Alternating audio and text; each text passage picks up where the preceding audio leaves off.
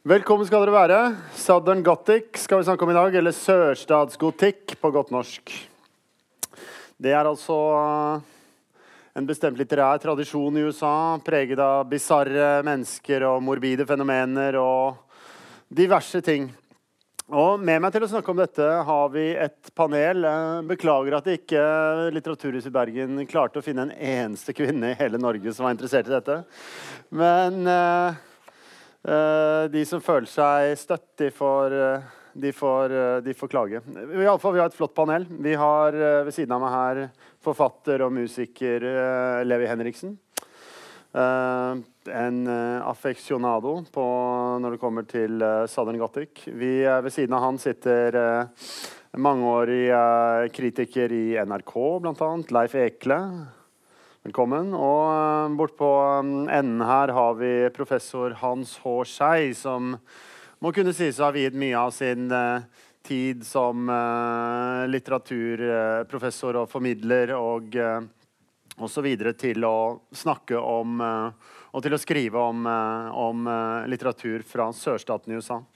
Men når vi snakker om, når vi snakker om Southern Gothic eller sørstatsgotikk så er det et par begreper som muligens bør avklares aller først. Uh, det ene er jo uh, ideen om den gotiske litteraturen. Her skal jeg kanskje la uh, Hans og eventuelt andre som føler seg kallet, få lov å gå mer i dybden på hva den litteraturen er senere. hvis vi har tid til det. Men i alle fall så er jo den gotiske litteraturen er jo et grunnleggende europeisk fenomen som vel oppsto særlig på 1700-tallet, og som er kjennetegnet av en type det er jo et begrep som kommer fra, fra, fra, arkitektur, og som handler om gotisk arkitektur, altså med spisse buer osv.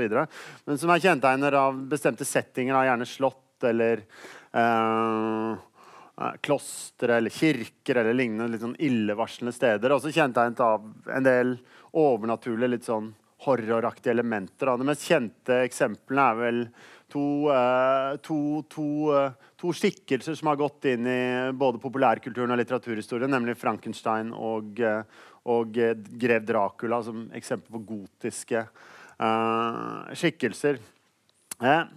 så det andre er jo sørstaten i USA. og det kan kanskje virke åpenbart, men hva som egentlig er sørstaten i USA, er ikke så enkelt som man skulle tro. For det er nemlig sånn at En del av statene som ligger sør i USA, f.eks. Eh, Arizona eller New Mexico, uh, deler av Florida og deler av Texas regnes vanligvis ikke til sørstatene i denne forstand. Mens uh, f.eks. en stat som West Virginia, som ligger ganske langt nord i landet, regnes til sørstatene ofte. Og hva forteller det? Jo, det forteller selvsagt at sørstatene ikke nødvendigvis er en er en bestemt eh, At den har enkle geografiske skillelinjer. Den er selvfølgelig basert primært sør i USA. Men først og fremst er det en betegnelse på en kulturell og historisk region med spesielle uh, med, en, med, en, helt spesiell uh, historikk. Det åpenbare er selvsagt at de befant seg på konføderasjonens side under, under, under borgerkrigen og var mot opphevelsen av slaveriet. Men det er også andre ting, f.eks som har vart til denne dag, som handler om at sørstatene er et sted med uh, sterk religiøsitet, sosial konservatisme. Uh, en bestemt form for æreskultur. Og Før jeg gir ordet til uh, de utmerkede herrene som sitter her, så har jeg lyst til å ta en lite oppspill som kanskje på en eller annen måte forteller noe om hvorfor sørstatene er så spesielt. Og Det er eh, en undersøkelse gjort av den amerikanske antropologen Richard Nisbeth på 90-tallet. For Han var nemlig opptatt av, han hadde en tese om at sørstatene var blitt befolket av andre typer innvandrere enn resten av USA.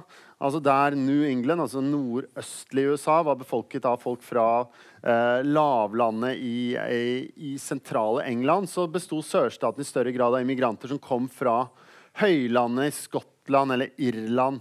Altså steder med en sterkere æreskultur. Og dette ville han måle gjennom på en måte å dele inn studentene på et universitet i USA i, uh, uh, i to grupper. De som var fra nordstatene, og de som var fra sørstatene. Så ga han dem ulike spørsmål der de skulle svare på sånn Hvordan ville du reagert på hvis kona di var utro, eller altså verdimessige spørsmål som kan fortelle noe om konservatisme eller liberalisme. Og han fant selvsagt at sørstatsstudentene i større grad enn nordstatsstudentene var eh, tilbøyelig til å si at eh, jeg ville skutt den utro mannen, eller eh, osv. osv. Men så blir det interessant, fordi Nisbet han gjorde også noe annet, som var at han utsatte disse testkaninene sine for et lite eksperiment.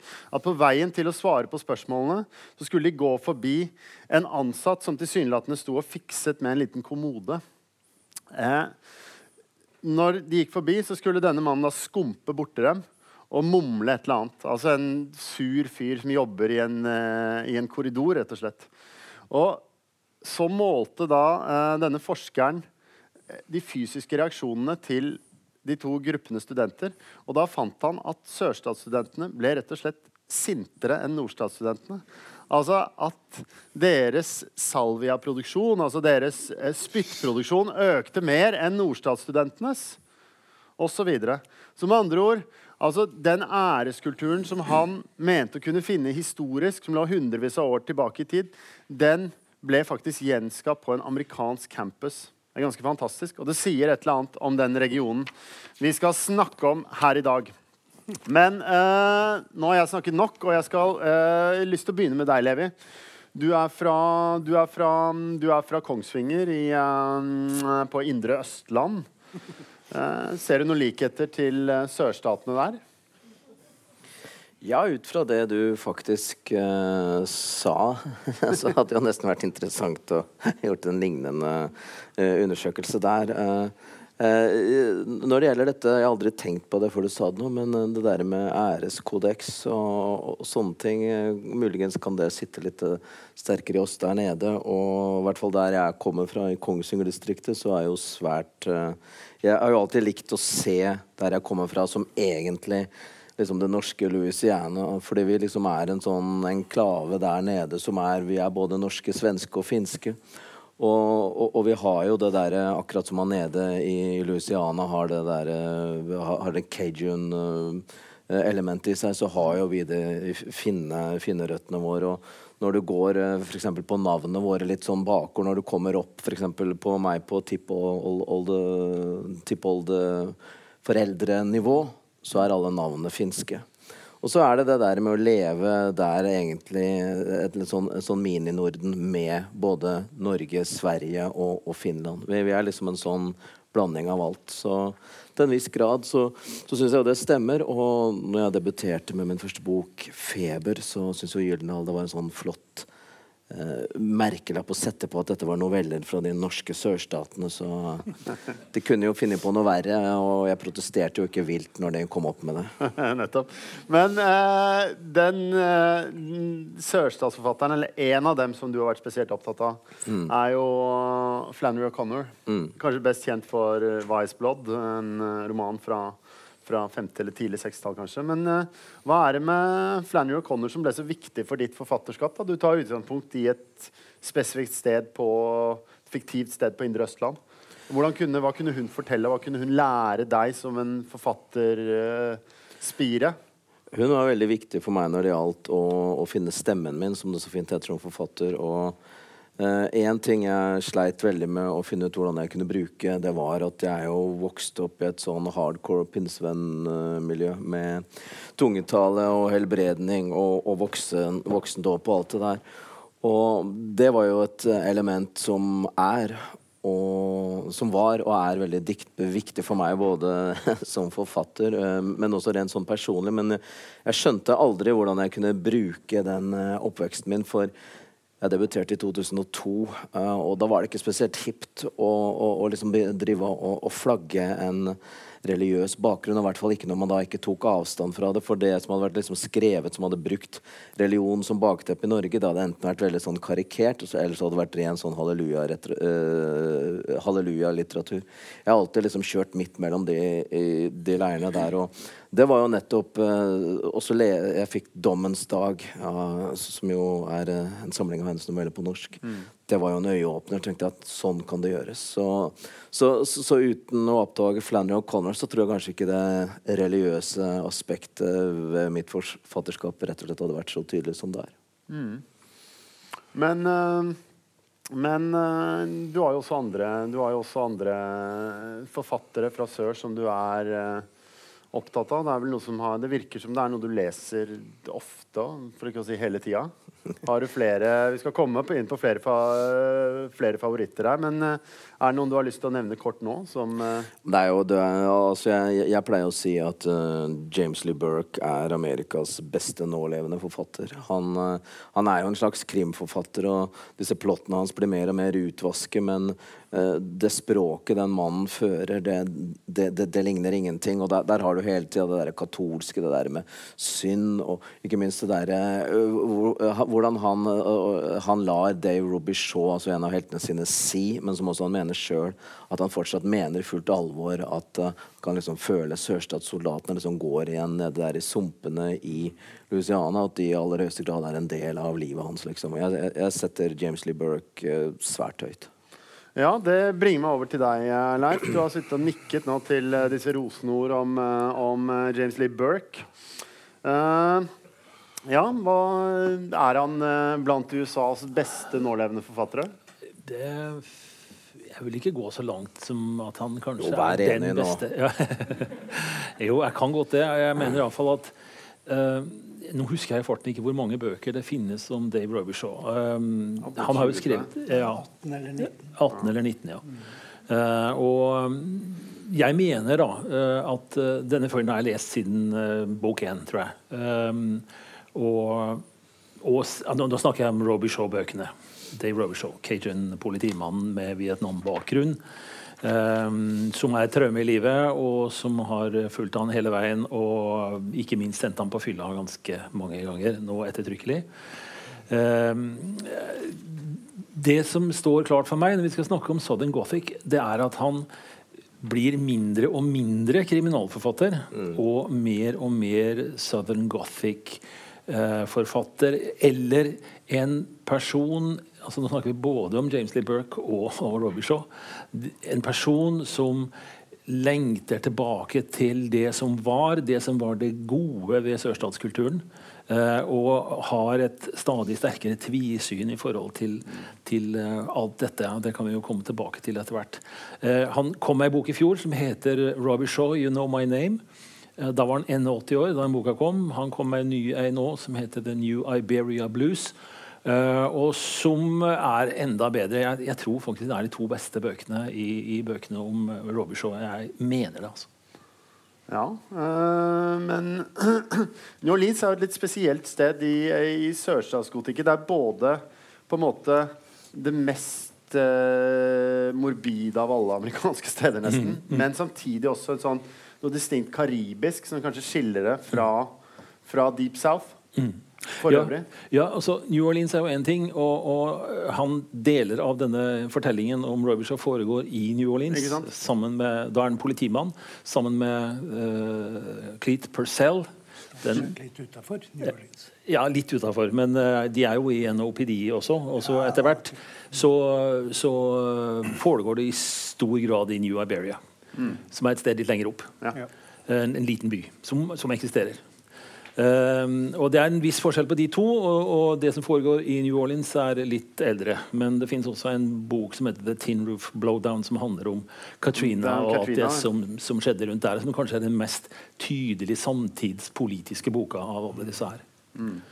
Um, og, men men Cajun-elementet, altså det fransk-amerikanske elementet, er viktig i eh, Man hører som, på navnet til Robbie Shaw. som, ja, nettopp. Uh, og, og det finnes jo en masse mennesker her som snakker både cajun, altså amerikansk-fransk, og, og, og kombinerer det med engelsk.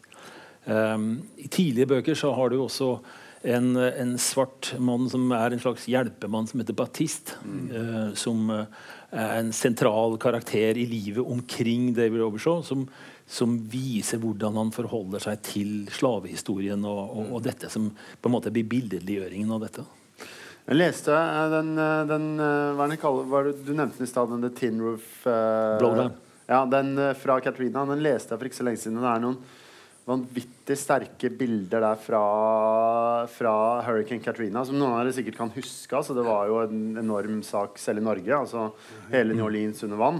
Og på en måte aldri sett det bli levendegjort på den måten som James Lee Burke egentlig gjør der. Men der ligger også et av utfordringene, fordi eh, man kan vel også si at det, altså der spiller jo eh, Der spiller jo på en måte sånn altså såkalt looting, altså det å drive og rane og, og, og holde på å herje i et sånt eh, landskap som New Orleans var da, der de fleste hadde forlatt stedet.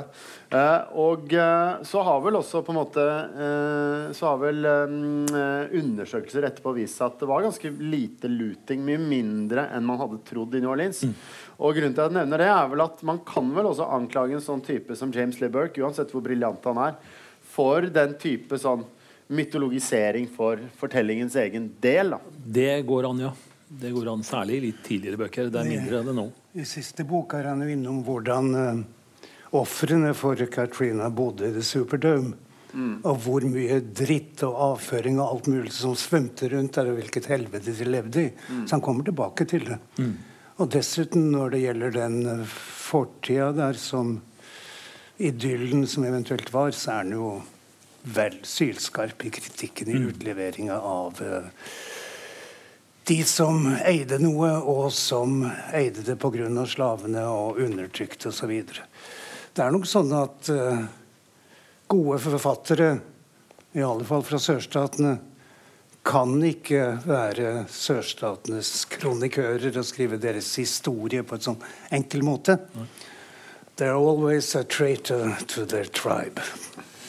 Ja, men det mener jeg alvorlig. Er det ikke det? Jo, jo. Så er det ren underholdning. Men vi skal, eh, vi skal vende tilbake til uh, James Lee Burke. Jeg er ganske sikker på Det blir mye snakk om han her, fordi han er såpass interessant og god som han er. Men uh, siden vi har det her, Hans, eh, et uh, sørstatslitteraturens norske orakel, om Ja. jeg kaller deg det. Ja, ja, ja. Eh, og eh, dette er en stor tradisjon. Vi har antydet litt av et par forfattere og noen slengt ut noen navn her. Men mm. eh, fortell oss litt eh, før du kommer. Jeg vet du er veldig opptatt av William Faulkner, og som kanskje er den mest sentrale av alle eh, Southern Gothic eller sørstatsforfattere overhodet. Men eh, før vi kommer til Faulkner eh, Ser du noen Hvor er det denne tradisjonen begynner i USA? Hvordan begynner den? Hvem syns du er det viktige? I USA begynner den med Edgar Allan Poe. Og det er vel neppe tvil om det kan være andre underholdningsforfattere, og noen finner rare forgjengere. Men den som virkelig fikk dette til å, å bli stort og stor litteratur, var Edgar Allan Poe. Han skapte så å si denne sjangeren på amerikansk grunn, og sin egen variant av den. Og så måtte han i to-tre tilfeller ta seg sammen og skrive detektivfortellinger for ikke å bli fullstendig gæren. Og Det tror jeg faktisk er en mulig forståelse av eh, de superintelligente detektivfortellingene. Vi må bruke rasjonell fornuft, og da kan vi forstå og oppklare alt. For ellers så er det så fryktelig i denne verden. Og det han sa om de gotiske fortellingene sine, og det er jo alt fra The Fall of the House of Usher til The Telltale Heart og alt dette her, det var The terror of these tales is not of Germany, but of the soul. Altså skrekken, frykten, alt det farlige i dette her. Og det er virkelig farlig. Det er sånn at du sitter og rister. Det har lite med det gotiske eller det tyske tradisjonen å gjøre, men det handler om sjelens irrganger. Og det er vel noe av uh, Poe-tradisjonen. Hos Faulkner kanskje ført direkte fra Walpole og andre, med at den eneste egentlige sånn Southern Gothic som Faulkner skrev, er jo 'Sanctuary'. Og den følger jo mønsteret helt ut. Også klisjeene. Eller eh, om du vil, for første gang så låner han fra populærlitteraturen, fra de første gangsterfilmene osv. Og, så og når han skaper Popeye, så er han jo akkurat den der mekaniske skikkelsen. Et monster nesten uten fortid, selv om vi får litt til slutt. Men helt ut. Altså, hvis, du, hvis du ser hvordan han er tegnet, og folk er helt forferdelig, så, så er han denne gangsteren med den der hatten og sigaretten som alltid henger der, samme hva som skjer, og ansiktet som Ja. Men jeg tenkte å ta litt tilbake til innledningen din om dette med hva sørstatene er. Fordi vi snakker nå om eldre forfattere, forfattere som Faulkner debuterte eller Den romanen er fra 31. Flannery O'Connor på 50- og 60-tallet. James Lee Burke, Det viktigste ved navnet hans er jo at han har Lee som mellomnavn. Det er ikke tilfeldig. Det er etter uh, den mest berømte av alle sørstatsgeneraler, Bob Lee, Robert E. Lee. Det er det mest vanlige mellomnavnet i sørstatene fremdeles. Selv om de river ned rytterstatuer og alt mulig på campus rundt omkring. Og, og ikke mindre enn to i hvert fall av de helt sentrale sørstatsforfatterne har Lie i navnet sitt også. Ja, ja, ja. Og, og hoved, noen av hovedgangsterne eller hovedgangsteren som da blir lynsjet i Sanctuary, heter jo Lee Goodwin. Det er heller ikke tilfeldig. Men det med hva sørstatene er Altså I det utgangspunktet som uh, William Faulkner f.eks. har Sørstatene var befolket av indianere. Chickasaws and Choctaws. Det fins ingen hvit Mississippien. De kom riktignok fra grenselandene opp i Wales og Scotland og England, men de kom via to eller tre andre delstater i USA. Innvandrerne kom fra North and South Carolina basically, og flyttet over fordi det var store penger i det. Rundt 1840 var de ti rikeste personene i USA fra Mississippi. Fra den fattigste staten i USA. Den har alltid vært fattigst, og den er fremdeles fattigst. I Tennessee sier de 'Thank God for Mississippi', for de er bare nest fattigst. Og Én ting var at det var sørstat, men det var også veststat. Det var grensestat, det var frontier, det var Ville Vesten bortafor. Helt opp til 1870-80-årene. Faulkner vokste opp, han er født i 97, i et sånt grenseområde. De var fattige. Sørstaten hadde én ting til felles, og vi snakker vel om the deep south, egentlig. Slik at vi kan definere ut det som du tok med. De hadde én ting til felles som jeg tror skapte eller gjorde det mulig å skape kunst, først og fremst litteratur, i et område der ingen skapte kunst. Det fantes ingen tradisjon for det overhodet. Rikfolka reiste til Europa og brakte med seg masse europeisk kunst tilbake. Tømte Italia for marmorskulpturer og alt slikt noe. Men det ble ikke skapt noe som helst. Og for en mann å sette seg ned og skrive dikt eller tekster og sånt, det var jo så ikke-mannlig som det gikk an å få. Ingen som gjorde det. Og det finnes omtrent heller ikke kvinnelige forfattere i sørstatene før moderne tid. Ellen Glasgow, muligens Kate Chopin, men det er i beste fall. Sånn at uh, Men det de har til felles, is what a historian called Det er veldig vanskelig å snakke om dette på norsk. The burden of southern history. De tapte en krig. They are a lesson in defeat and humility. Hm?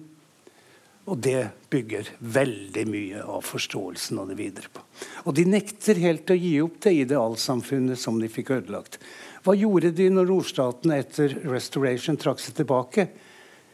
De tok fra de svarte absolutt alle rettighetene de hadde fått med Lincoln og borgerkrigen og alt dette her. Kommer du fram til 1890, så er det kanskje 200 personer, sorte personer i Mississippi som har stemmerett. Alt blir gjennomført. Alle blir kastet ut. Demokratene styrer i Mississippi i 120 år fram til 1992. Ingen guvernører fra noe annet parti. Og det de gjør, er å ta fra de sorte alt. Og Hvis noen da med en viss bevissthet og et visst vett og en viss et eller annet compassion, sier Flannery O'Connor og William Faulkner, begynner å skrive om dette, så ligger det jo noe under der som må føre til gotisk litteratur et eller annet. Det er noe undertrykkelse, noe fortrengt, noe ødelagt som til syvende og sist Noe dødt som er levende. Altså alt kan fanges inn i Faulkners ord, som alle kjenner siden, siden noen ble tatt til rettssal fordi de hadde brukt i en film, nemlig The past isn't dead. It's not even past. Og når fortiden er levende på den måten, så blir det ja, Nå har jeg snakket litt for lenge i sammenhengen. Men bare sånn, Sørstaten, De forfatterne våre kommer, kommer altså fra Mississippi, Georgia, og vi skal kanskje ta med en fra Tennessee. Men Ja. jeg har lyst til å, mm, lyst til å utfordre deg på en ting, Levi. Fordi du er jo også musiker.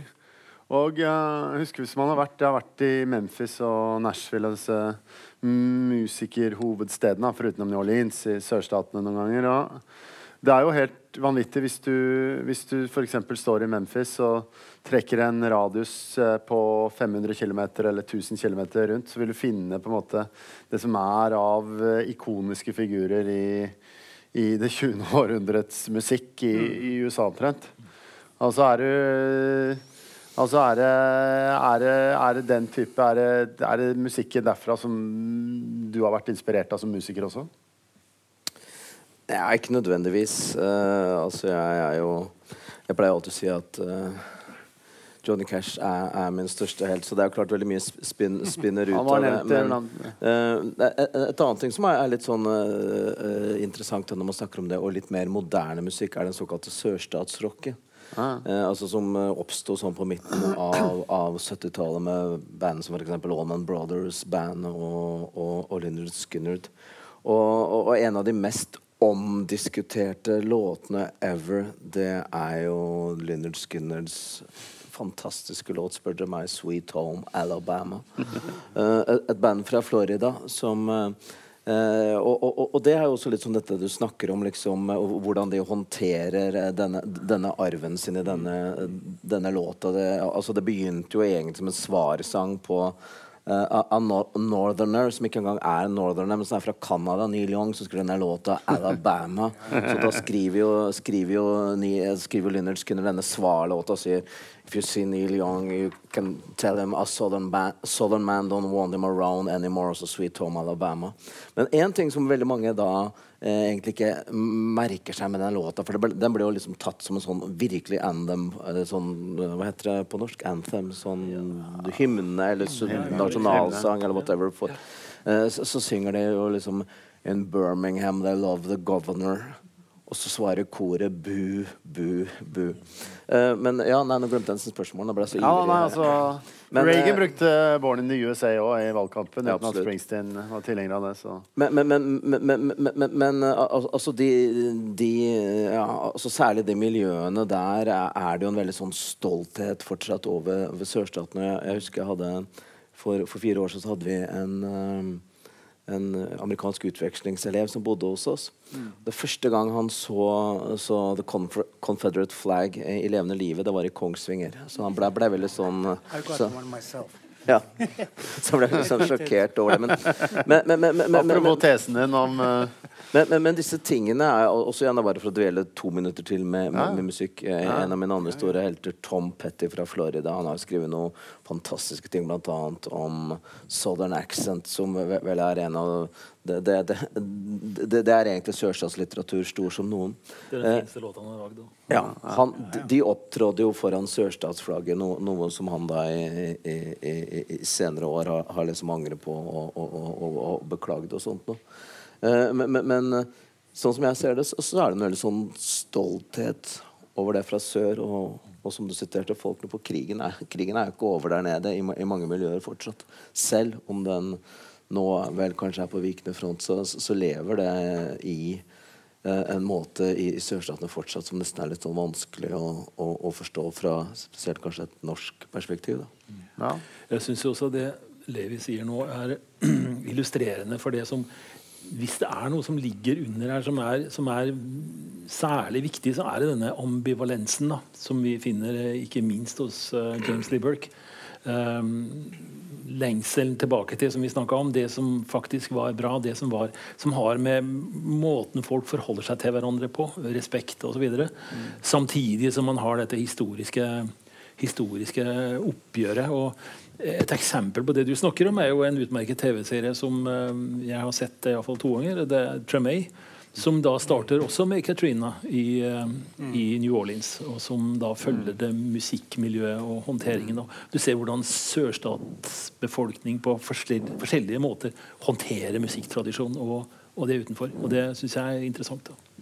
Ja, det er jo altså, For de av dere som har vært i New Orleans eller i, i også Nashville og, ja, Kanskje de to byene er de jeg tenker mest på. Så er det jo Av de store så er det Det er nesten ikke til å tro hvor mye musikk som er rundt deg hele tiden. Altså sånn Altså at det står folk og spiller storband på gatehjørner, og det er i, i, Memphis er det vel, eller i Nashville så er det vel alltid en et bluegrass-band på enhver bar og kafé, tror jeg. Men er det, noen, er det noe i dette her som er, uh, er det noen altså Du nevnte Tom Petty som en stor amerikansk poet. Helt enig i det. Er det noen andre, Ser du noen linker til litteraturen og til det du er glad i der, i musikken du også liker derfra? Ja, absolutt. Uh, uh, men, men uh, jeg vet ikke hvorvidt vi skal ta, ta, med folk, om det er lov med folk fra Texas her. Men, men, men når, det gjelder stor historiefortelling som har noe av den der Southern pride i seg, så, så har vi også en artist som heter Guy Clark, som er veldig stor fan av, og en fyr som heter James Lee. Nei, som heter James McMurtry. Jeg er bare så opptatt, opp, opphengt i Lee her nå. James Lee. Nei, James McMurtry. Men, men, men, men, de har jo ikke det derre sørstatsgotikk-elementene. Men igjen så har man jo da et band uh, som jo faktisk har skrevet uh, det ledemotivet til første sesongen med, med, True Detectives, det er jo Handsome Family. Og de, de, har jo alltid hatt det der gotiske, groteske elementet i seg. Og, og det er jo countrymusikken full av, det derre murder ballads-aktige greiene. Absolutt.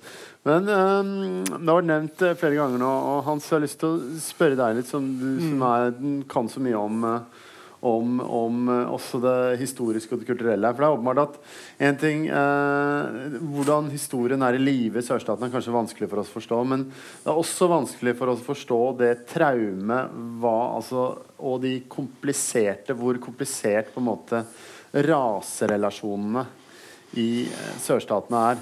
Og der er det også, det er noen da, Hvis du snakker med sørstatsfolk, så vil jo noen mene at ok, det er kanskje mer sånn Altså bruken av n-ord eller altså det er mer sånn Rasismen har vært mer oppe i dagen her.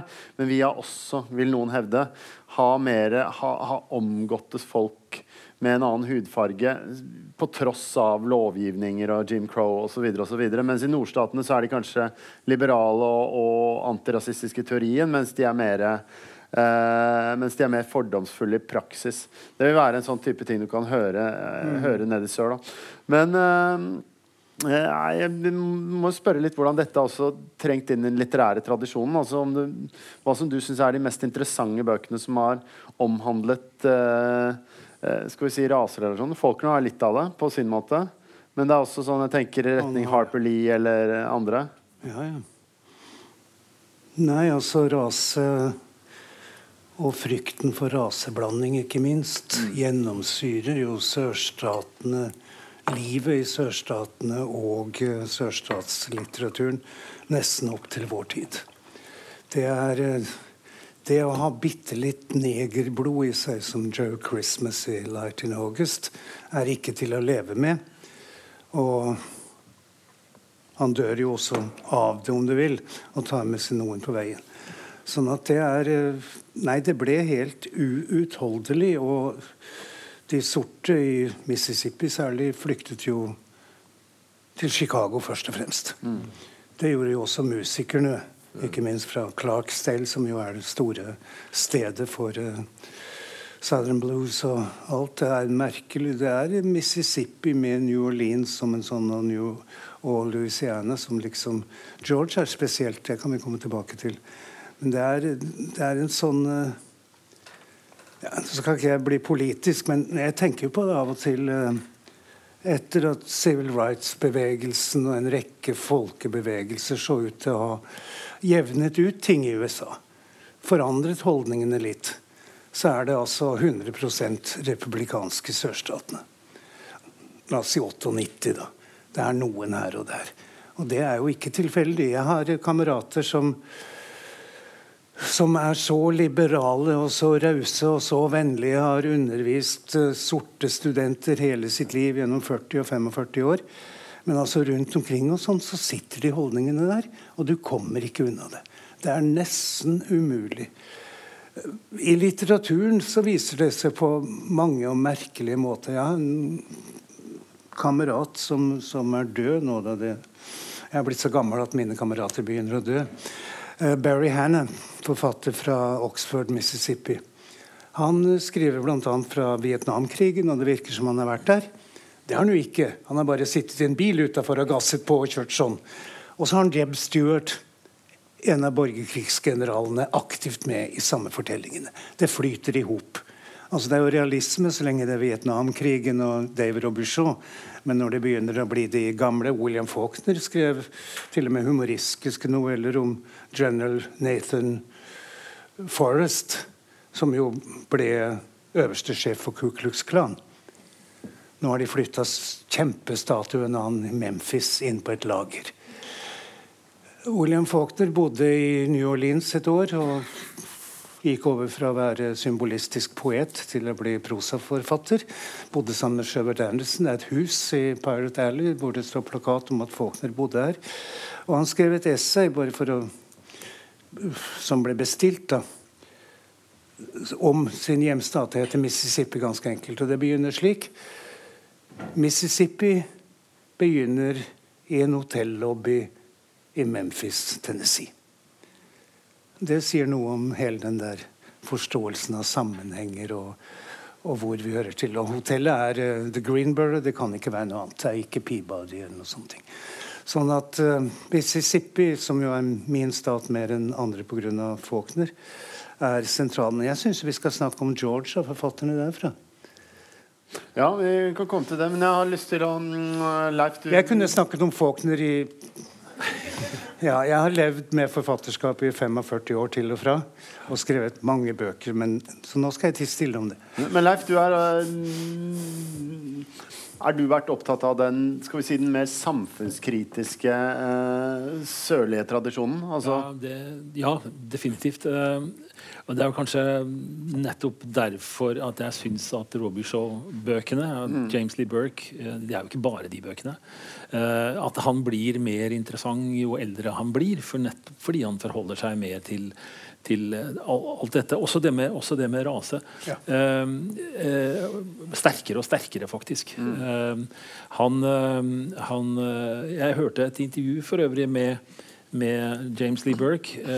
han ble det handlet om William Faulkner. Uh, James Lee Burke er en, en Faulkner-kjenner også, og, og, veldig opptatt av, av, Faulkner. Og han fikk faktisk spørsmålet rett ut var Faulkner rasist. Fordi han skrev Han brukte jo negro og fordi han skrev slik han gjorde, såpass realistisk i en del bøker om, om rasespørsmålet. Ja, han bruker nigger også stadig vekk. Det gjør jo Florence òg, for øvrig. Mm. Eh, som en del av dagligtalen. Mm. Um, og, og, da kom han med en, en, lang forklaring, og nesten litt indignert, fordi han syntes det var talentløst å tenke sånn i det hele tatt. Fordi det han gjør, er jo å skrive om den virkeligheten han befant seg i. Mm. Uh, og det gjør ham ikke til rasist. Uh, men uh, det, er ikke lett. Nei, jeg sa ikke at det var lett heller.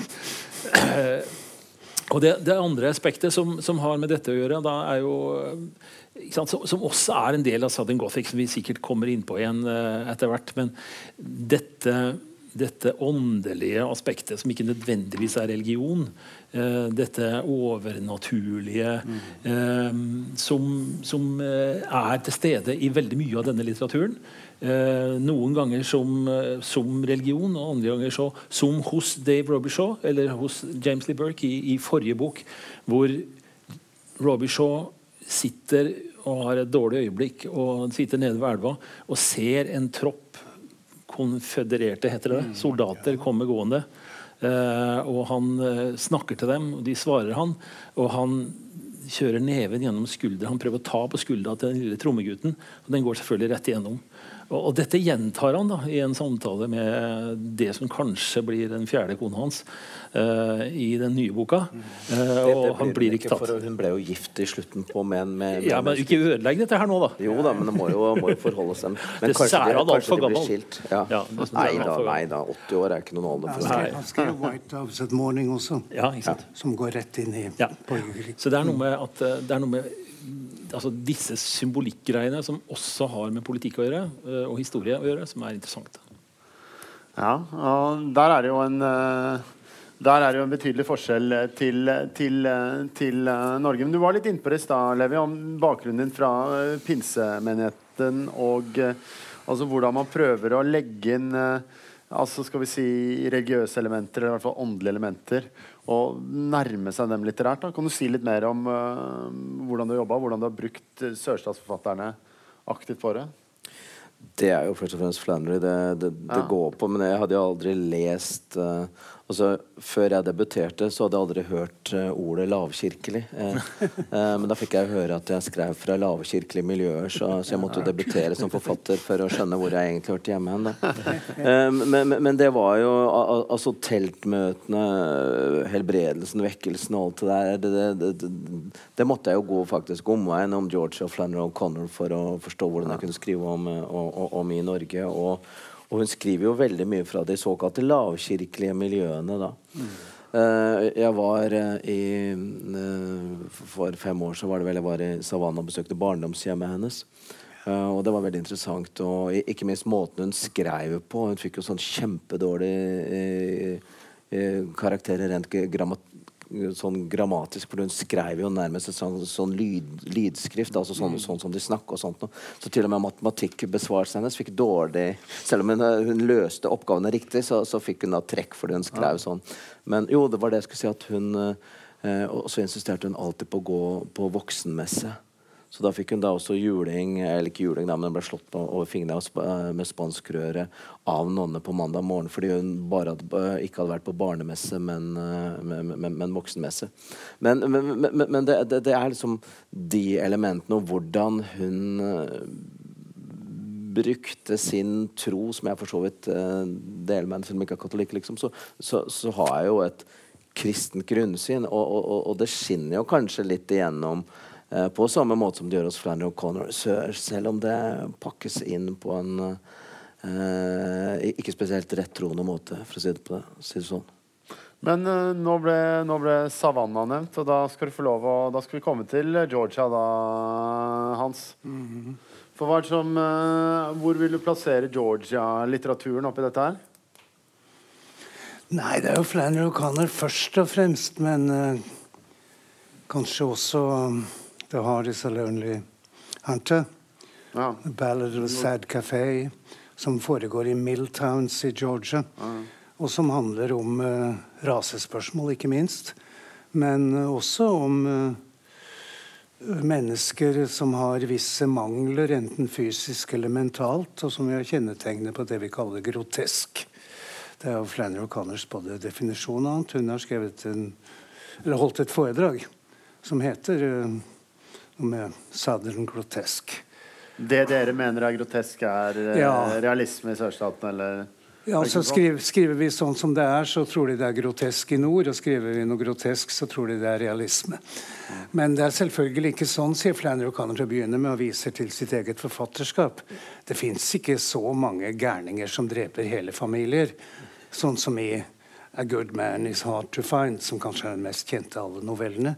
Og det fins ikke så mange bibelselgere som samler på trebein. Good Country People. Da er det en som, som gjør det. Og så handler det om konflikten mellom de intellektuelle, de som har gått på college, kommer tilbake til småbyen og ikke får noe jobb, men er bedre enn de andre. Og, og min favorittnovelle av alle, Flannery O'Connor, den som tittelnovellen fra 'Everything That Rises Must Converge'. Og som handler om en sønn som bor hjemme med mor si, og så må han reise med henne på bussen til uh, reducing class. Hun skal slanke seg, hun skal tape litt vekt. Og så har han kjøpt en forferdelig hatt. Og så er det integrert på bussen. Negere kan sitte der. Og han er helt oppgitt over mora. Men så får hun jo hjerteattakk og snubler på fortauet og liggende. Og hva i pokker skal han gjøre? Og da, den sluttscenen, det epifaniske der med hvor ender jeg, og hvor er vårt ansvar? og Where in the world is mercy? Og hun har sin egen franske filosof, som du sikkert har lest deg opp også, Pierre Le Jardin, og sier alt, alt hun skriver, er i tråd med han. Everything that rises must converge. Det er eh, Og jeg syns jo novellene, og de, særlig de jeg har nevnt, kanskje også Hun er en som henter tittelen fra et uh, veiskilt. Uh, the life you save may be your own. Det står det langs veien. ikke sant? Kjør forsiktig. Og da har hun en misfit på en annen måte, altså noen som er redusert i hode, for å si det sånn. Jeg syns jo novellene er uh, mye bedre enn de to små romanene hun fikk til. Og I et essay en gang skrev om henne, så var jeg så dristig at jeg sa at hun satset på det korte fordi hun visste at hun ikke kom til å leve lenge. Og det tror jeg er riktig. Hun jobba jo på dødsleie med å forandre en av novellene i siste novellesamlinga, som jo på mange måter er sånn. Så det er et mesterlig. Hun er on the rise. En av de store sørstatsforfatterne i dag. William Faulkner er på det jevne. Det er ikke sånn som det var da jeg begynte med dette. Men Flannery har eget, sin egen forening og sitt eget tidsskrift og alt dette her. Jeg har vært på flere seminarer om forfatterskapet. Så det er stort. Ja, jeg er helt enig med deg når det gjelder eh, novellene hennes, at de er veldig mye bedre enn romanene. Og, og, og, begge romanene, så vidt jeg kan erindre, de spinner vel også ut fra novelle, egentlig. Begge ja, men jeg hadde gleden av å være i Savannah, som sagt. Altså, jeg kjenner jo Milledgeville, som jo hun vokste opp der hun hadde påfuglene sine. Så jeg er faktisk ikke klar over at uh, barndomshjemmet hennes var i i Savannah. da.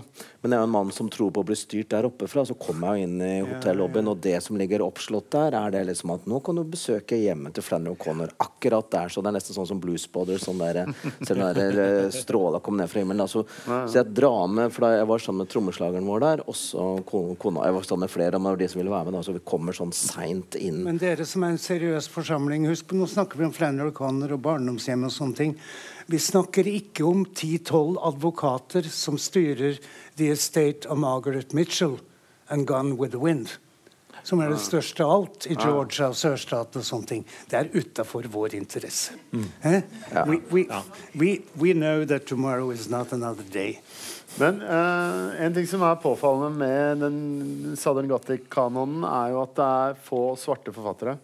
Og det er jo uh, både sånn demografisk er det jo rart, fordi det er eh, Mange av disse statene har jo en andel svarte som kanskje ligger på 30-40% altså i visse tilfeller. Og også fordi eh, den afroamerikanske litteraturen har en lang og veldig ærerik historie. Så uh, Leif, har du gjort deg noen tanker om hvorfor ikke de svarte har skrevet så mange bøker i denne sjangeren? Eh, det er vanskelig å si, da. Eh, kanskje, altså, I denne sjangeren så ja. har det nok noe med sjangeren i seg selv å gjøre. Fordi Kanskje, iallfall. Uh, jeg tenker at den er, det er en hvit sjanger i den forstand at den også forholder seg til den hvite historien i forhold til den svarte befolkningen. Mm. det er mye om ikke anger, så mye sinne, mye, mange forsøk på å å, å, si noe om hvor ille det har vært osv. Mm. Um, og når det gjelder uh, generelt, så vil jeg tro at det har noe med den segregeringen som Hans har snakka om, som i stor grad har uh, eksistert helt opp til vår tid. Fordi En rar ting er for at Hvis du leser uh, Ralph Ellison 'Invisible Man', som er den mest berømte afroamerikanske romanene fra 1900-tallet, så vil du finne en veldig sånn så vidt jeg husker den, fra en veldig sånn burlesk åpning, som vel er fra sørstatene. Altså, eh, og så eh, så er vel poenget, da, og som typisk er med disse her, at de nettopp drar til Chicago eller til en av de store metropolene i nord. da. Fordi de orker ikke å være der. Det er for jævlig, rett og slett. Så uh, det, har litt, det, har litt, med at den styrende, rådende kritikken, altså mottagelsen av bøkene, var jo hvit og i sørstater lang tid styrt av The Agrarians og, og nykritikere og sånn. Så Richard Wright, som jo en av de mm. store, kom på norsk med en gang og kjempegreier, slo aldri igjennom, ble ikke akseptert.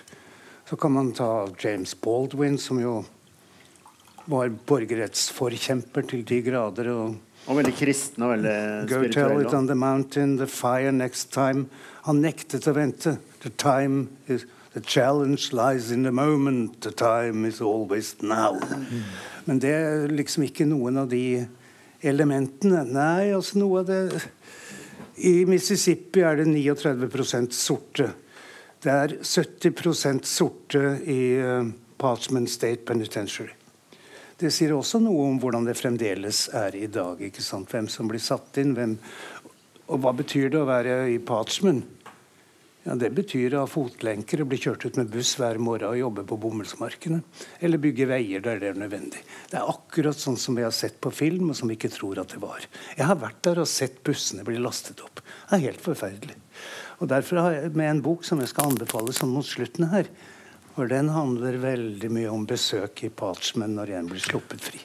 Men det kommer vi tilbake til. Ja, for Før vi kommer dit, så er det jo en ting vi har snakket lite om uh, nå. Vi begynner faktisk å nærme oss slutten. Altså, tro det eller ei, det er gøy. Men, uh, men, det er jo TV. For mange av dere vil jeg gjette har, får noen bilder fra uh, moderne TV-serier når vi snakker om sørstatene og, og Enten det er sumpene i Louisiana eller det er Mississippi som går dovent uh, sørover, eller det er, måtte være andre ting. Og uh, Levi, du nevnte jo Handsome Family. De, jo, de hadde jo, hadde jo introlåta på en uh, meget populær serie for noen år siden, nemlig True Detective. Så du på den, eller? Absolutt. Hva syns du, da? Fantastisk. ja, nei, det er Ja, Der er vi enige, vet du. Ja. Ja, nei, det er... Jeg mener at uh, den nye Robertson-boka ikke er så god som jeg sier, da, men uh, det var fint at du ikke sa det her. Da. Ja, Vi er jo enige om at True Detective er uh, strålende. Oh, ja, ja, selvfølgelig. Ja, nei. nei. Vi skal ikke si noe mer om, om Robertshaw-bøkene, sånn, men, men, men, jeg har jo anmeldt haugevis av bøkene. Jeg har publisert artikler på amerikanske, amerikanske bøker om Robertshaw, sånn, så jeg syns jo ganske godt om han. Ja, men Levi, du, har, du lest, har, du lest, romanene som han Altså den, han True Detective-skaperen hva heter Nick eh, Pizzolato. Pizzolato. Han, eh, altså, han har jo han skrevet et par romaner også. Jeg har lest Galveston. Hva syns du om det? Ja? Eh, jeg syns det var dårlig. Jeg syns det var eh, Og så gleder meg veldig til den, fordi det var noe med stemningen og, og, og, og i True Detective, og hvordan han brukte hvordan liksom er eh, Luciana er jo en eneste stor teaterkulisse, egentlig. Det, det, det, den er jo lagd for å lage film. Det er liksom det men, men, men, jeg syns, uh, jeg syns den Galveston som jeg har lest, uh, det rett og slett var det, det, var ikke litteratur. Det var, det, det var et TV-skript, egentlig, som man hadde mm. satt permer rundt. Liksom. Så jeg, det, Jeg likte det ikke i det hele tatt, for å si det enkelt. Ja. Hva syns du om uh, Leif? Du sitter og nikker her. Hva syns du om uh, godeste Matt Eh, Matthew McConaghy som uh, nihilist. Og er det en uh, type som hører hjemme i, i, i sørstatene alle, blant alle de bisarre typene som er der? Han sitter bare og har sånne nitsjianske formuleringer om ja. at livet er meningsløst, og vi burde helst uh, ja, ikke blitt født, osv. osv. Ja, det er jo det dukka jo opp mens den første serien True Detective gikk, så dukka det opp på, på nettet en sånn forklaringsinnfallsvinkel, en sånn litterær greie greie som mm. plutselig åpna opp den eska der med all mytologien og alt det rare. Og, mm. og som da de virkelig drar det inn i et sånn Southern Gothic, uh, mystisk uh, miljø. Og eh, jo, jeg syns det fungerer, og jeg syns den var veldig god. Og jeg er enig med Levi som sier at nummer to ikke var så god. Så kan vi snakke om den som går nå, da. Eh, den er, den er, for meg så er den et løft igjen. Jeg har ikke sett den, men uh, fortell litt om den nå. Det er tilsynelatende så er den, um, i alle fall i første omgang, en ren politihistorie. Og den første episoden kan gi veldig sånn, sterke assosiasjoner til The Wire den andre HBO-serien som kanskje er den som har satt sterkest spor etter seg. Blant annet en scene hvor de to politifolkene sitter med hver sin øl på panseret av bilen, og så er det en søppelhaug foran dem, og så sitter de og skyter rotter med revolver mens de er på jobb. Uh, og det er jo lett å assosiere til en episode i The Wire. Uh, og, men så kommer telefonen om at dere må få ut fingeren. Det har skjedd noe. Og så er det ikke sånn allikevel de er seriøse folk. En svart mann, en hvit mann. Uh, og jeg syns uh, det blir en slags politiromanserie som fungerer godt. Men gjennom store skuespillere, syns jeg, og, og, en regissør som har virkelig grep. Altså. Og manusfatteren. Så blir det noe mer. Og det blir Jeg er fremdeles sånn juryen der ute i forhold til hvilken grad dette er Southern Gothic. Eh, det dukker opp noen sånne dokker, noen sånne halmdokker litt tidlig. Om de er viktige eller ikke, det er liksom ikke helt klart ennå. det er i hvert fall Southern Gothic. Fordi det er jo uh, Når vi virkelig begynner å nærme oss hva uh, og prøve Nå har vi snakket mye om dette, her, men eh, hvis du skal prøve deg på et, eh, på et, eh, på et kort svar på hva du vil si Southern Gothic er for noe. Altså, det er jo, jeg vet du kunne snakket resten, Jo, jo. frem til midnatt om det, men vi skal prøve å destillere det, Hans.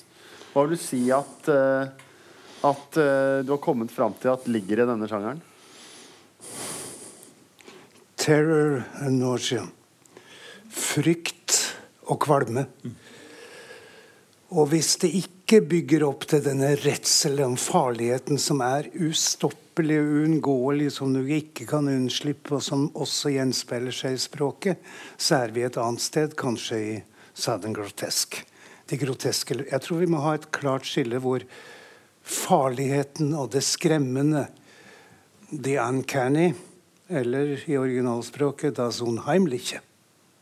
Det er freudiansk begrep. Og vi kunne gjerne underbygd mye av dette med freudianske termer, men det behøver vi ikke. Men akkurat det der som rykker teppet under deg og får deg til å se ned i noen dyp Når Temple Drake, som er hovedpersonen i Faulkners Sanctuary, kommer til denne bootleggerplassen på The Old Frenchman's Place, et ruin av, en, av et uh, plantasjehus så har hun Hun er 17 år gammel, hun aner ingenting. Hun er en flørt. Og der er det mannfolk. Og hun vet hvem hun blir, vil bli voldtatt av, men det skjer jo ikke. Det skjer. Hun blir voldtatt av en impotent mann som må bruke noe annet til stedet for seg selv. Det er helt forferdelig. Men sånn må det være.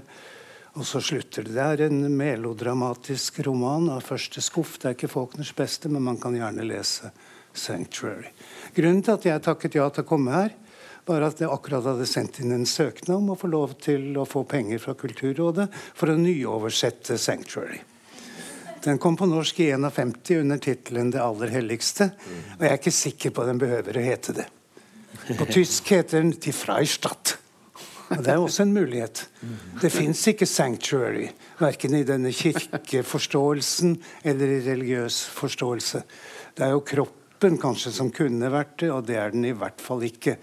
For her kommer det noe ut av alle kroppsåpninger. Så, men, Nei, eh, men Så jeg vil gjerne skille det der hvor, hvor det truslene og farligheten og det overgrepene er mye tydeligere enn der Flannery O'Connor blander det groteske og det komiske.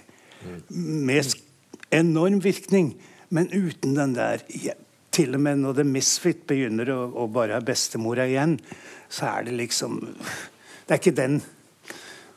Men sier du nå at uh, din anbefaling for kvelden, uh, hvis du kan komme igjen, er 'Sanctuary'? av- nei, ja, men, ja, for det er samme hvem som snakker og skriver og tenker og hva det er om Southern Gothic, så kommer 'Sanctuary' først og nesten alene.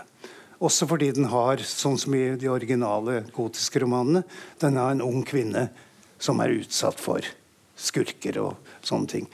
Uh, Ved siden av den så nevner man Faulkners mest beryktede novelle, og den første han fikk trykt i et nasjonalt eh, tidsskrift, nemlig 'A Rose for Emily'. Som kan leses på mange måter. Nei, jeg tenkte å foreslå noe annet siden vi snakker om Southern Gothic.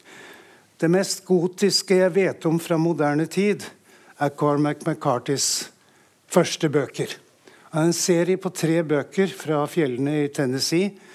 'The Orchard Keeper', 'Outer Dark' and 'Child of God'. Child of God er ikke til å holde ut. Det er nekrofili fra begynnelse til slutt. Og fortelleren spør på de første sidene er det faktisk mulig å tenke seg at Lester Ballard, hovedpersonen, også er et gudsbarn. Og når vi er ferdig med boka, så er vi sikre på at han ikke er det. Og Cormac McCarthy kjenner dere. Det er ikke gotikk, men også No Country for Old Men. The Road. Store bøker, store filmer. Og min favorittbok av han er en som heter Sartree, som også er fra Tennessee. Som jeg foretrekker fremfor All the Pretty Horses og de bøkene der. Men Sartre, Sartree, en lang, vanskelig bok. Hvis dere vil lære banneord flere stygge ord i det amerikanske språk enn noe annet sted i noen roman, så kan dere lese den boka. Men jeg har altså en annen bok med meg bare sånn, som kom ut i antagelig 17, da. Den er skrevet av en uh, sort kvinne fra Mississippi som heter Jasmine Ward.